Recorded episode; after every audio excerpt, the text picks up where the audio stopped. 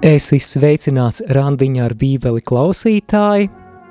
Šodien laiks bībeles studijām un tavs savedējs randiņā ar bībeli Māris Veliks šeit pie mikrofona Radio Marijas studijā. Baznīca, pelnrušķīte vai līgava, tāds ir mūsu šodienas uzraksts un jā, varbūt kādu jau ieintriģēju, kāds sakars baznīcai ar pelnrušķītes stāstu. Redzi, baznīca ir kā šī pasaku meitene – tērpta nabadzīgās netīrās skrandās, ievainota, nespēcīga, un tomēr savā būtībā tā ir aicināta kļūt par cildenu līgavu karalim. Par to mēs arī šodien parunāsim. Randiņš ar bībeli Studijā Māris Veliks.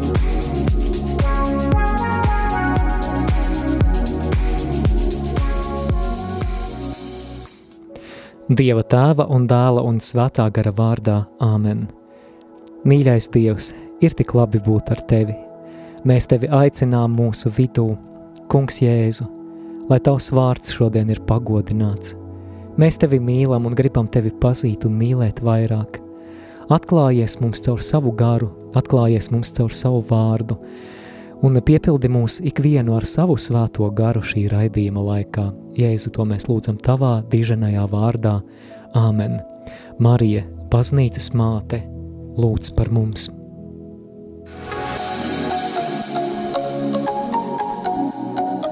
Skan randiņš ar bībeli.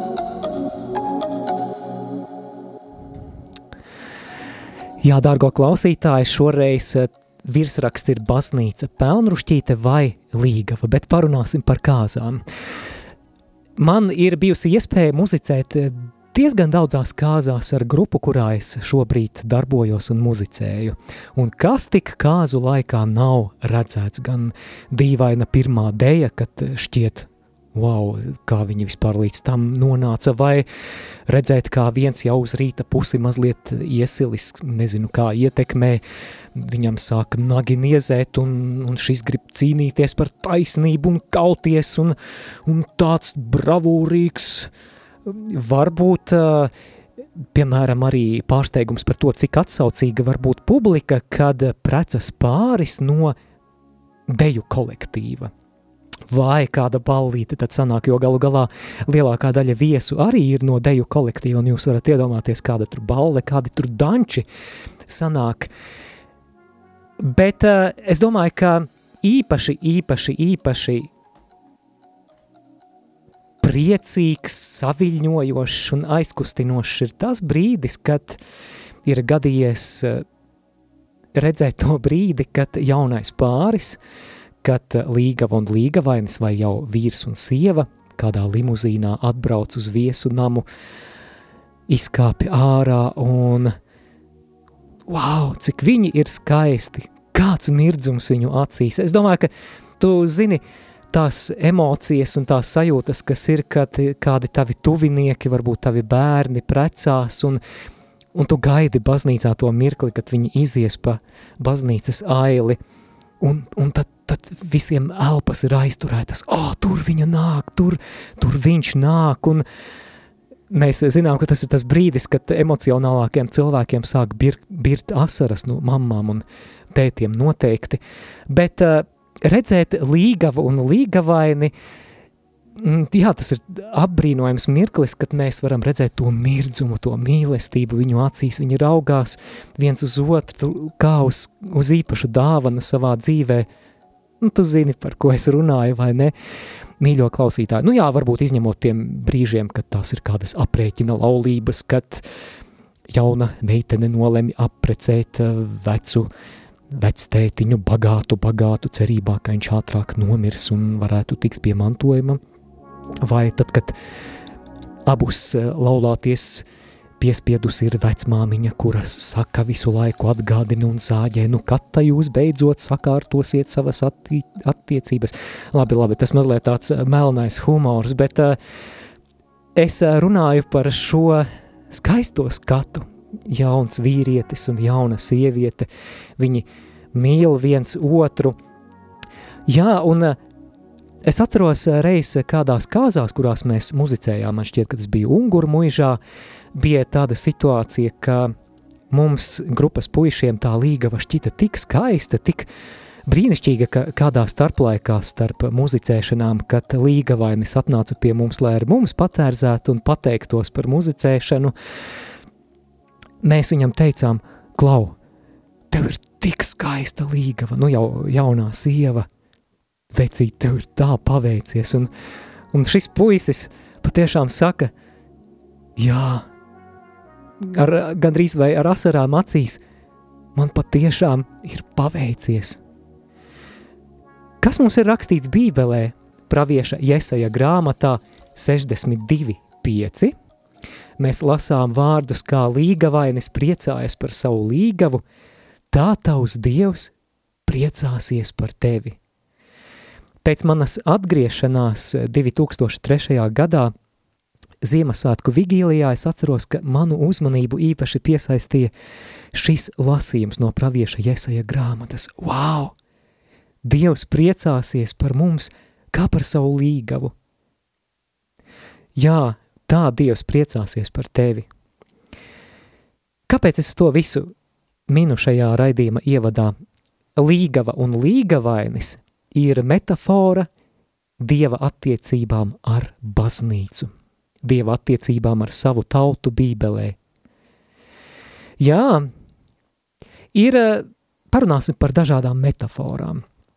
Parunāsim vispirms par līgavaini, tātad par Jēzu, parunāsim arī par baznīcu, bet sāksim ar Jēzu. Tu jau noteikti zini, ka ir dažādas metaforas, kas bībelē apraksta kādu Jēzus personības un misijas šķautni.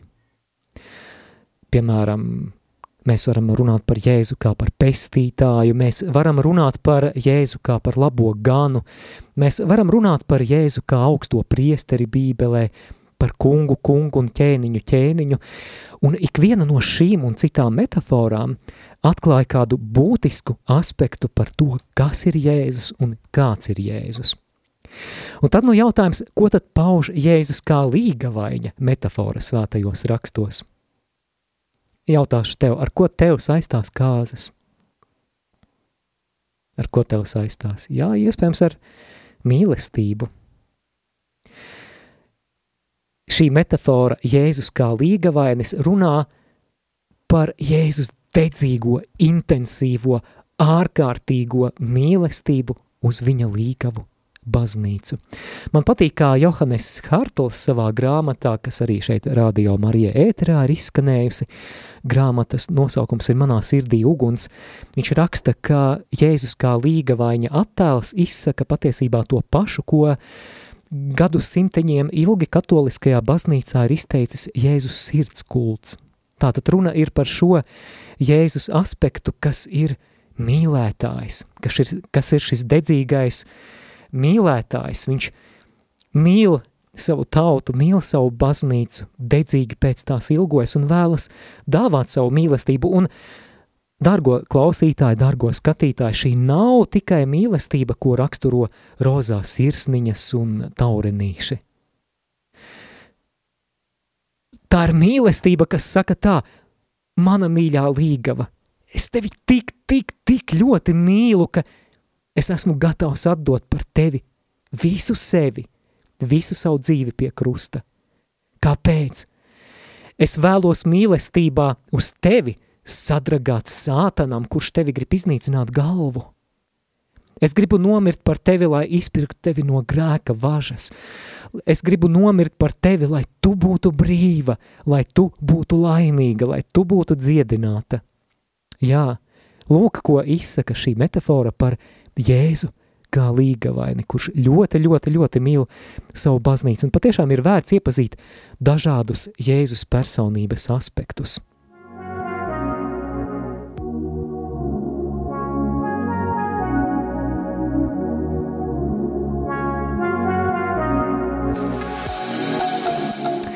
Parunāsim arī par baznīcas kā līgavas metaforu. Tātad, ja mēs runājam par to, ka uh, līgavaiņa un līgavas attiecības ir kā attēls Jēzus un baznīcas attiecībām, tad, protams, arī līga vai baznīcai šeit ir liela nozīme, un gluži kā Bībelē ir dažādas metaforas, kā mēs nu pat runājām, kas raksturo Jēzu, tad to pašu var teikt arī par baznīcu, un ja tev tagad klausītājs lūgtu nosaukt kādas metaforas, kādas līdzības, kas svētajos rakstos apraksta baznīcu, kas tev pirmkārt nāk prātā?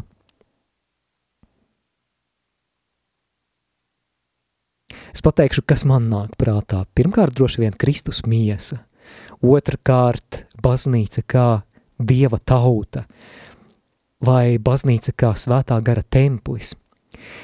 Katra no šīm metaforām, kura ir atrodama jaunajā derībā, kas sakņojas arī vecajā derībā, atklāja kaut ko ļoti būtisku par baznīcas būtību. Bet nu, šodien šīs, šī raidījuma kontekstā mēs runājam par baznīcu kā līgavu – kas atklāja atkal kādu citu šķautni. Arī šī metafora runā par lielo mīlestības stāstu. Baznīca ir tā, ko Jēzus ļoti, ļoti, ļoti mīl. Mīl līdz pat krusta nāvei. Un baznīca ir tā, pēc kuras nedalītās mīlestības arī Jēzus ļoti, ļoti ilgojas, man slāpst, viņš sauc pie krusta. Jā, apzināsimies tagad, ka baznīca, tā mēģināsim varbūt rezumēt līdz šim dzirdēto un, un apjēgt, par ko es runāju, tātad baznīca ir līgava. Jēzus viņu ļoti, ļoti mīl, un, protams, ka viņš ilgojas saņemt mīlestību, nedalītu mīlestību no savas mīļotās, godpilnās, cieņpilnās līgavas baznīcas.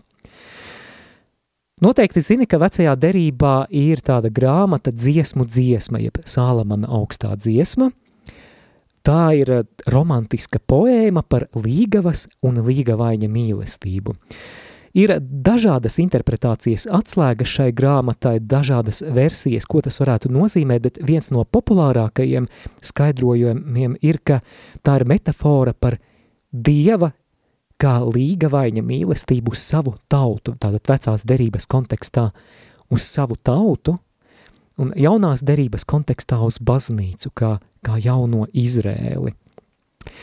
Un šajā dziesmu dziesmā mēs vairāk kārt lasām par to, ka līgavainis uzrunā savu līgavu ļoti romantiskā mīļvārdiņā tu mana dūja.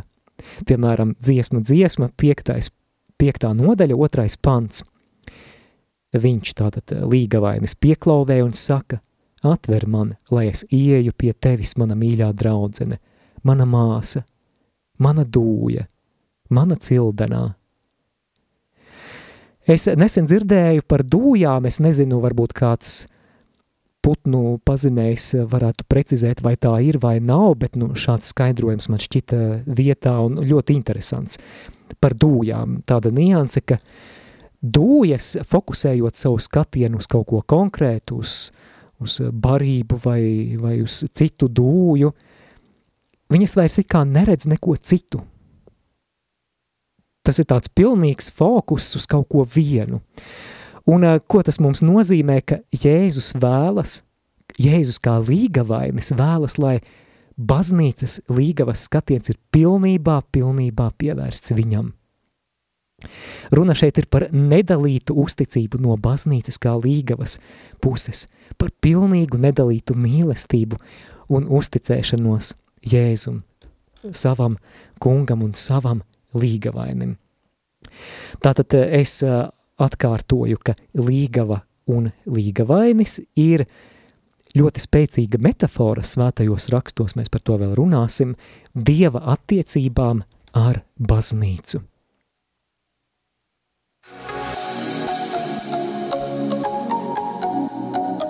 Skan randiņš ar bībeli.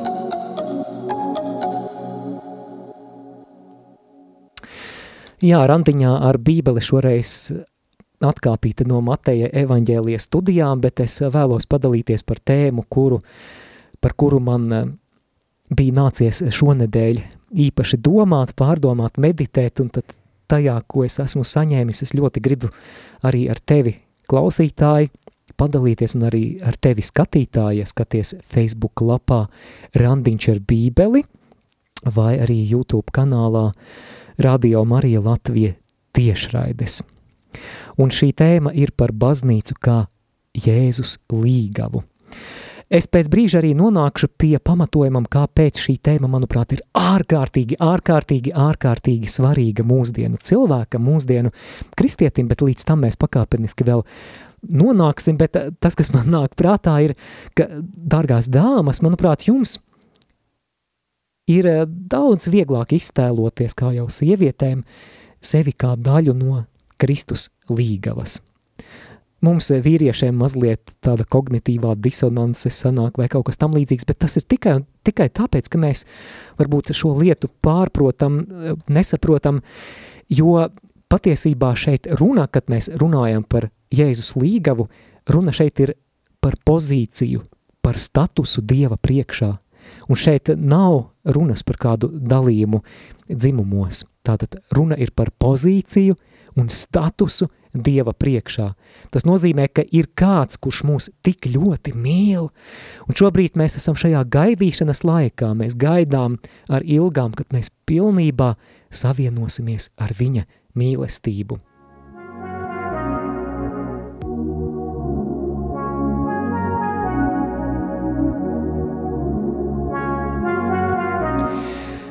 Parunāsim vēl par šo līgavaiņa un līgavas metaforu bībelē, kur tad mēs atrodam vēl kādas rakstu vietas, un interesants fakts, vai es ievērojis, ka, ja tā varētu sacīt, bībeles stāsts par Dieva attiecībām ar cilvēku, bībeles pirmajās lapusēs sākas ar pēc radīšanas, ar ko?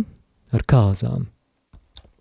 Savukārt, ar ko bībele noslēdzas, ar ko dieva un cilvēku attiecības noslēdzas šajā pestīšanas stāstā, Bībeles pēdējās lapusēs, proti Jāņa atklāsmes grāmatā, arī ar kāzām, ar jēra kāzām, proti ar Jēzus kāzām, ar savu baznīcu, bet sāksim ar pašiem pirmsākumiem. Tātad Bībeles pirmās lapas puses radīšanas grāmata, ja pirmā mūzes grāmata, otrā nodaļa mēs lasām par to, ka ir radīts cilvēks pēc dieva attēla un līdzības vīrietis un sieviete, un viņi ar dieva svētību kļūst par pirmo laulāto pāri cilvēces vēsturē. Radīšanas grāmata 2.24 mēs lasām šos slavenos vārdus, tādēļ vīrs atstās tēvu un māti un pieķersies savai sievai un tie kļūs par – vienu miesu. Jā, un interesanti, ka šīs vīra un sievas attiecības tad vēlāk vecajās, vecās derības lapusēs ir arī kā metafora dieva un viņa tautas attiecībām. Dieva un viņa tautas attiecībām. Un starp veco derību un jauno derību pastāv turpinātība un nepārtrauktība. Proti, ja mēs vecajā derībā vēl nevaram runāt par baznīcu tādā izpratnē, kā to ir dibinājis Jēzus un kāda mums tā ir šobrīd, bet eh, vecajā derībā ir baznīcas iedīgļi. Patiesībā baznīca ir izaugusi uz šī Izrēļa tautas, Dieva izvēlētās tautas celma. Baznīca ir šis jaunais Izrēlis. Un tātad vai nu tā ir vecā derība vai jaunā derība, tātad kāzas, līgava un līgavainis vīrs un sieva, tas izsaka šo dieva dedzīgo mīlestību uz savu tautu. Savukārt bībeles noslēgumā, kā es jau minēju, laiku beigās, mēs atkal lasām par kāzām, un tās ir jēra kāzas. Tās ir jēra kāzas ar savu līgavu baznīcu, un es eh, nolasīšu arī, un ja kāds seko līdzi savā bībelē, varam atšķirt atklāsmes grāmatas gandrīz pašas beigas, 19. nodaļu, atklāsmes grāmata 19. nodaļa, un es lasīšu no 5. līdz 9. pantam, un ieklausieties, te būs runa par kāzu svinībām. No goda krēsla atskanēja balss saugdama – Slavējiet mūsu Dievu visi viņa kalpi, kas viņu bīstas, mazie un lielie. Tad es dzirdēju balsi, tā bija kā liela ļaužu pulka kliekšana, kā lielu ūdeņu krākšana un kā stipra pērkona rūkšana, kas teica, Aleluja, jo ir sācis valdīt kungs, mūsu dievs, visu valdītājs. Priecāsimies, gavilēsim un dosim viņam godu, jo atnākušas jāra kāzas, un viņa līgava sataisījusies. Tālāk no 8. panta ir aprakstīts šīs līgavas, jeb baznīcas krāšņums. Ir teikts, tā ir dots tērties spožā tīrā audeklā, proti audekls ir svēto taisnības darbi. Un viņš man saka, raksti, svētīgi ir tie, kas aicināti jēra kāzu mielastā. Viņš man saka, Šie ir patiesie Dieva vārdi. Jā, patiešām svētīgi ir tie, kas aicināti jēra kāzu mielastā.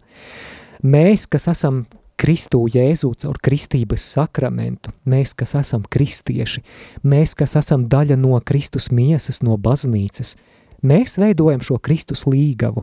Šobrīd mēs esam šajā gaidīšanas laikā un nākotnē, laiku piepildījumā mūs sagaida pamatīgas kāzu svinības.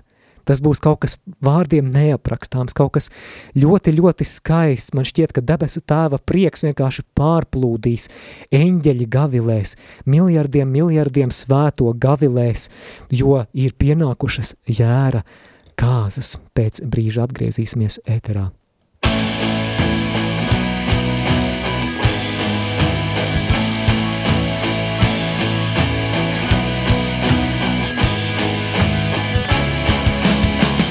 ir svēts, ir svēts, ir kungs visu vārdu.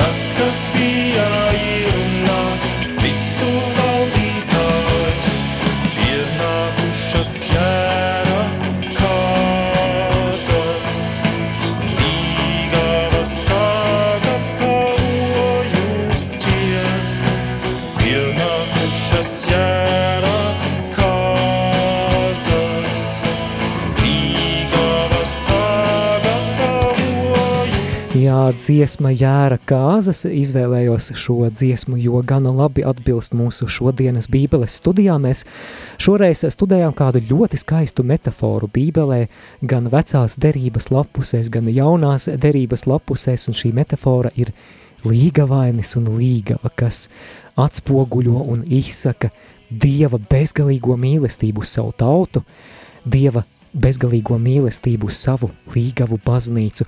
Un es vēlētos arī tevi iesaistīt klausītāji, ja tev ir kādas pārdomas par šo tēmu, varbūt ir kāda viena doma, kas tevi ir uzrunājusi šajā raidījumā, varbūt tevi pašu ir uzrunājusi kāda doma līdz šim saistībā ar šodien aplūkoto, tad droši iesaisties un atgādināšu kontaktu informāciju. Iesaisties ēterā, zvanot uz studijas tālruni 67 969 131 vai rakstot īsiņu uz numuru 266 77 272. Izmanto arī e-pasta iespēju Studija at rml.lv.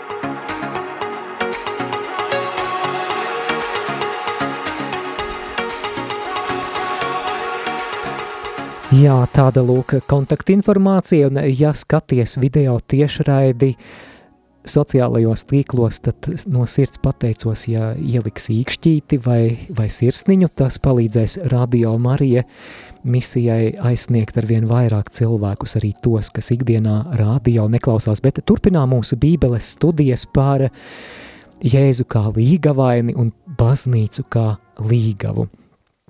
Jautājums varētu rasties, bet vai Jēzus pats sevi uztvēra kā baznīcas līgavaini? Un atbilde, ko mēs iegūstam lasot jauno derību, ir viennozīmīgi jā, viennozīmīgi jā.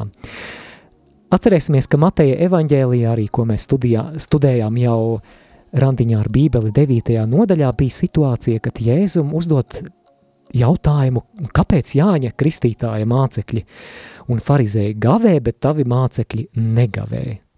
Un Mateja 9.15 lasām Jēzus atbildi, vai kāzu ļaudis var bēdāties, kamēr līga vainas pie viņiem? Redzi, Jēzus apzinās šo savu līga vaiņa identitāti.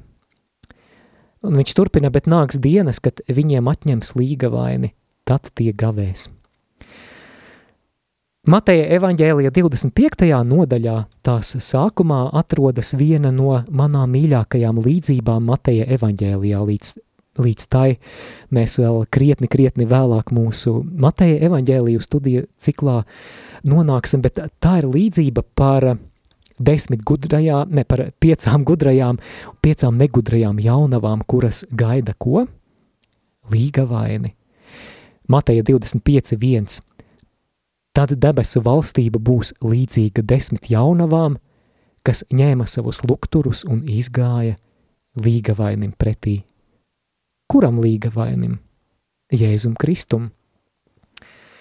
Un, nu, ir pienācis arī laiks parunāt par tādu praktiskāku šīs tēmas pielietojumu. Kā dzirdētais attiecas uz manu dzīvi?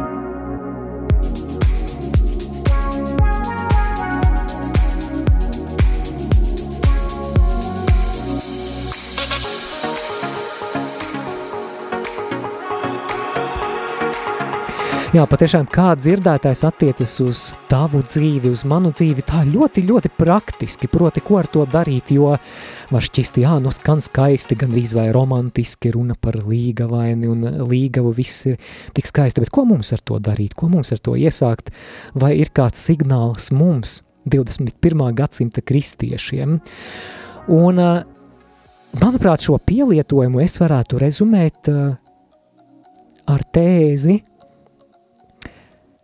atjaunoties mīlestībā uz Kristus līgavu baznīcu. Atjaunoties mīlestībā uz Kristus līgavu baznīcu. Varbūt kādam šķiet, nu, bet pašsaprotami, ka baznīca būtu jāmīl. Es šo tēmas aktualitāti vēlētos pamatot ar vairākiem argumentiem. Uh, Pirmā lieta, kas man nāk prātā pārdomājot šo tēmu, ir, un nereti arī varbūt jūs esat saskat, saskārušies ar viedokli, ka es mīlu Dievu, ka man ir attiecības ar Dievu, bet es nemīlu baznīcu. Varbūt esmu ļoti vīlies baznīcā. Nu, baznīca, kāds saka, vai tur korumpēta liekulīga struktūra, kurā viss ir slikti un, un baznīcas kungi tādi un šitādi un, un uh, tie draudzes locekļi arī tādi un, un tādi un varbūt kādas negatīvas pieredzes un es esmu vīlies un jā, tātad šī ticība, kurā uh, ir it kā vieta attiecībām ar Dievu, bet nav vietas mīlestībai un attiecībām ar baznīcu. Un patiešām mūsu uzticēšanās baznīcai arī diezgan saprotamu iemeslu dēļ arī var būt ievainota. Mēs uh, zinām par pedofīlijas skandāliem, kas uh, plaši ir izskanējuši plašsaziņas līdzekļos, un mm, tā bēdīgā vasara pirms vairākiem gadiem, kad ASV atklājās skandāls ar uh, kardinālu Makariku un vienkārši briesmīgi, vai varbūt kādiem ir bijusi saskarsme ar nejūtīgiem moralizējošiem garīdzniekiem, kuri jūs ir ievainojuši grēksūdzē vai kā citādāk. Varbūt eh, kāds no jums, kāds no mums esam piedzīvojuši situāciju, kad mēs ļoti, ļoti gribējām saņemt sapratni un atbalstu baznīcā, bet eh, to neatradām tur. Varbūt kādi no mums esam saskārušies ar liekulību, ka tie, kas sludina, nedzīvo atbilstoši sludinātajam. Jā, patiešām baznīca, Kristus līgava nav ideāla. Interesanti, man, man šķiet tāds interesants aspekts, nezinu, vai tu piekrīti klausītāji tam vai nē, bet esmu domājis par to, ka mēs reizēm Kad domājam par baznīcas ideālu, tad daudziem no mums nāk prātā pirmbaznīca, tātad baznīca, kas tikko dzimusi, svētais gars ir izlējies apustuļu darbos un sludināšana un zīmes un brīnumi un šķiet, o, oh, nu tā bija ideālā baznīca. Nē, tā nebija ideāla baznīca, jo mēs, ja mēs palasām par šo pirmbaznīcu, tajā bija daudz problēmu.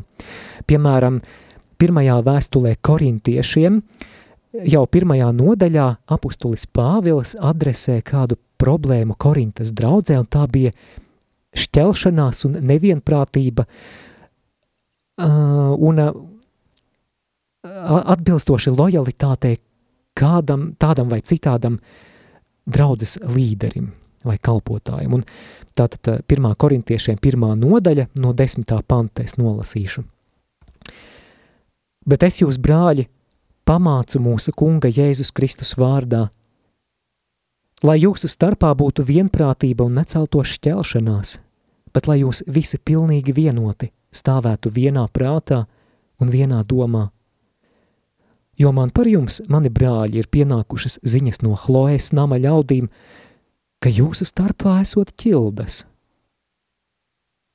Es gribu teikt to, ko pie jums visur dzird runājam, viens saka – Es turos pie Pāvila, otrs es pie Apolla, trešais es pie Kēfas, bet ceturtais es pie Kristus. Vai tad Kristus ir dalīts? Vai tad Pāvils ir par jums krustā sists? Jeb vai jūs esat kristīti uz Pāvila vārdu? Jā, redziet, šeit ir runa par baznīcu pirmajā gadsimtā, ko mēs reizēm idealizējam, un kaut ko līdzīgu mēs arī šodien varam pat vienas konfesijas ietvaros novērot. Mēs varam novērot nevienprātību, šķelšanos, tradicionālisti apsūdz harizmātus, ka viņi tādi apmātie un tā, un liberāļi vēršas pret tradicionālistiem, kādiem ļoti patīk pāvests, kādiem ļoti nepatīk pāvests, un Un, protams, ka šādos apstākļos, šādu iemeslu dēļ, ko es uzskaitīju, ir grūti saskatīt baznīcu kā šo godpilno cildeno līgavu, vai ne? Jā, pelnrušķīti mēs redzam viņas sadriskātajās, nabadzīgajās drānās, bet, nu, līgavu, nu, nevar saskatīt. Kur ir tas līgavas skaistums? Un no kā tas viss izriet? No tā, ka, protams, ka baznīcas, no kā, no kā sastāv Kristus līgava, no kā sastāv baznīca? No tās locekļiem cilvēkiem. Un kādi esam mēs, tāda ir baznīca. Vēlreiz, kādi esam mēs, tāda ir baznīca.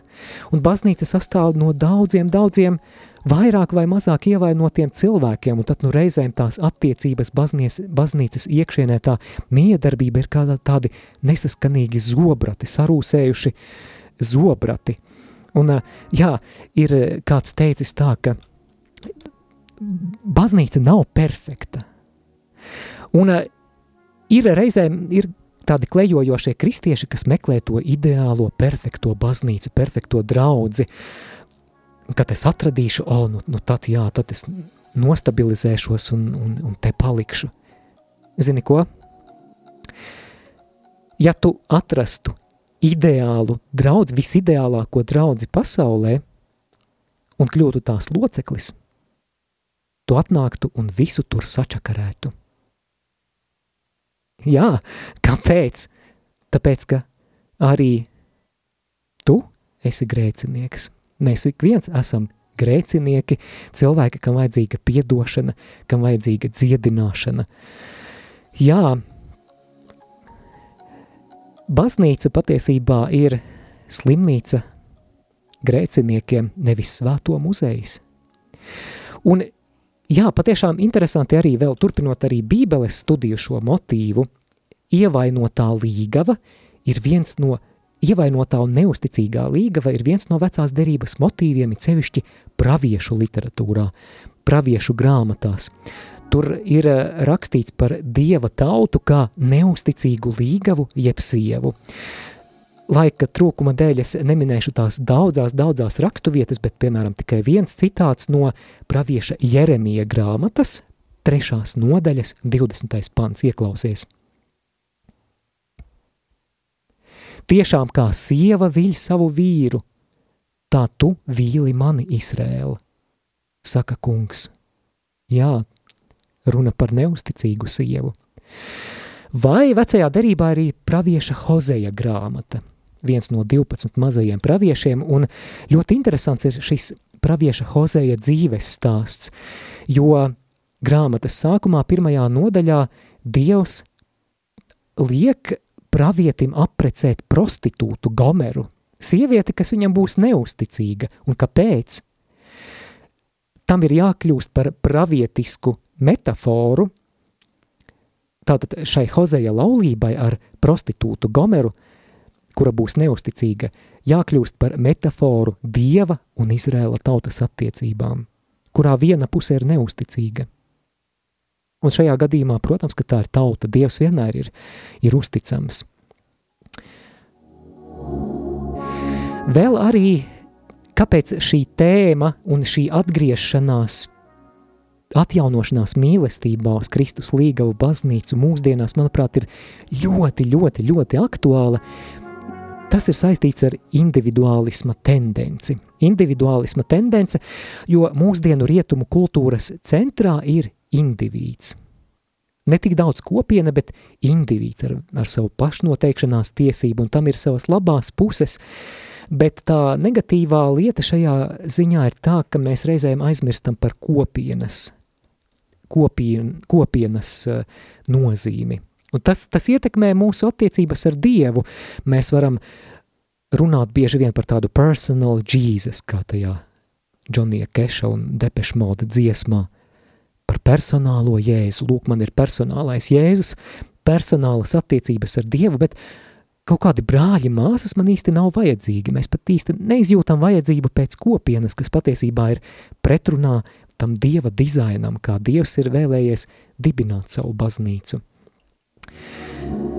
Vēl kas man nāk prātā, arī šī atjaunošanās mīlestībā uz Kristus līgavu baznīcu mums ir arī svarīga šajā laikā, kad eh, tiek atcelti arī ar Covid saistītie epidemioloģiskie ierobežojumi, jo kaut kādā ziņā iespējams, iespējams mēs varam runāt arī par atsvešināšanos no Kristus līgavas baznīcas, ko veicināja šī Covid krīze.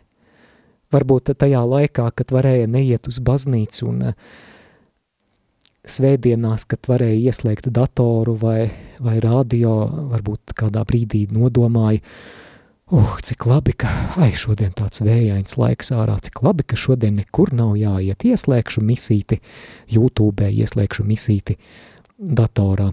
Jā, tad tagad, kad uh, dispensa no, ja atbrīvojums no mises apmeklējuma ir atcelts un ir atgriezies šis pienākums svētdienās apmeklēt euharistijas svinības, iespējams, ka ir tā sajūta, ka esam mazliet ierūsējuši, nav viegli atgriezties iepriekšējā ritmā, jo esam pieraduši pie tā tiešsaistes attālinātā režīma, Tāpēc, eh, jā, lūk arī vēl viens iemesls, lai atjaunotos mīlestībā uz Kristus līgavu baznīcu. Tas eh, ir aicinājums atklāt, ka pelnrušķītes netīrās drānas patiesībā slēpi cildenu līgavu, ka šī baznīca, kur var, varbūt izskatās noputējusi, necila, ievainota, vāja, nepilnīga, patiesībā ir ar lielu un cildenu aicinājumu būt par līgavu karalim. Vēl daži iemesli, kādēļ atjaunoties mīlestībā uz Kristus līgavu baznīcu. Redziet, Jēzus joprojām mīl savu līgavu baznīcu. Es atkārtošu, Jēzus joprojām mīl savu līgavu baznīcu. Kāds jautātu, vai arī pēc krustakariem? Jā, arī pēc krustakariem. Vai pēc renesanses izvirtušajiem pāvestiem? Jā, Jēzus mīl savu baznīcu. Vai pēc pedofīlijas skandāliem? Jā, Jēzus joprojām mīl savu līgavu.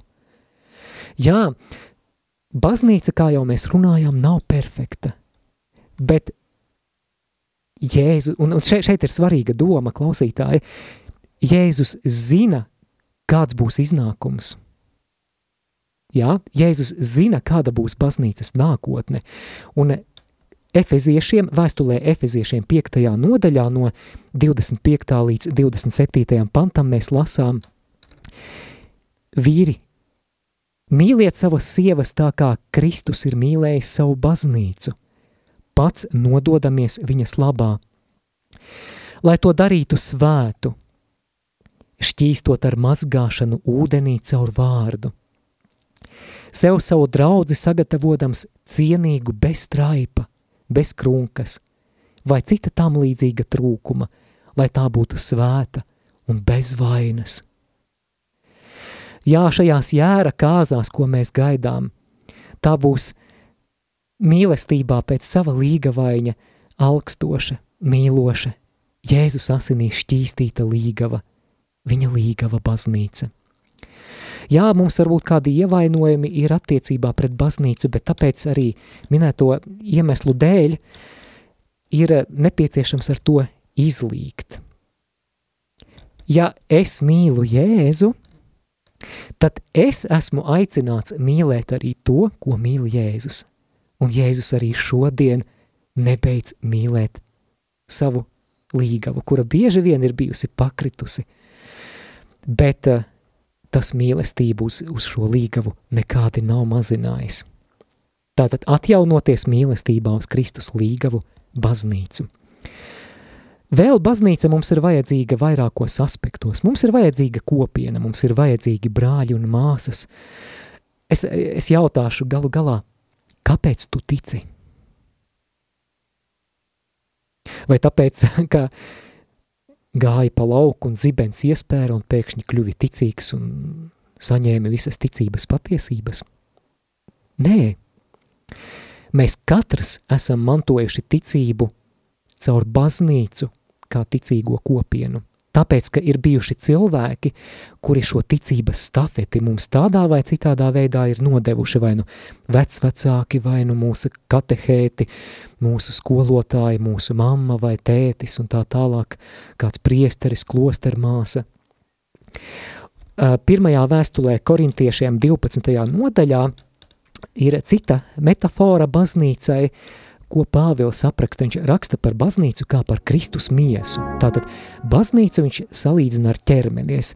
Tagad visu šo, šo mm, fragmentu, kuru biju plānojis, nenolasīšu, bet tātad lasiet pirmajā vēstulē korintiešiem 12. nodaļā, vienkārši mums laiks strauji iet un drīz arī raidījums ir jānoslēdz, bet Pāvils salīdzina baznīcu ar cilvēka organismu – kurā ir dažādi orgāni, dažādi ķermeņa locekļi. Mēs zinām, ka mums ir acis, mums ir ausis, mums ir galva, mums ir rokas, mums ir nieres un plaušas, un, un katram orgānam ir sava funkcija, un viss organisms darbojas apbrīnojamā sadarbībā, apbrīnojamā harmonijā ar citiem ķermeņa locekļiem.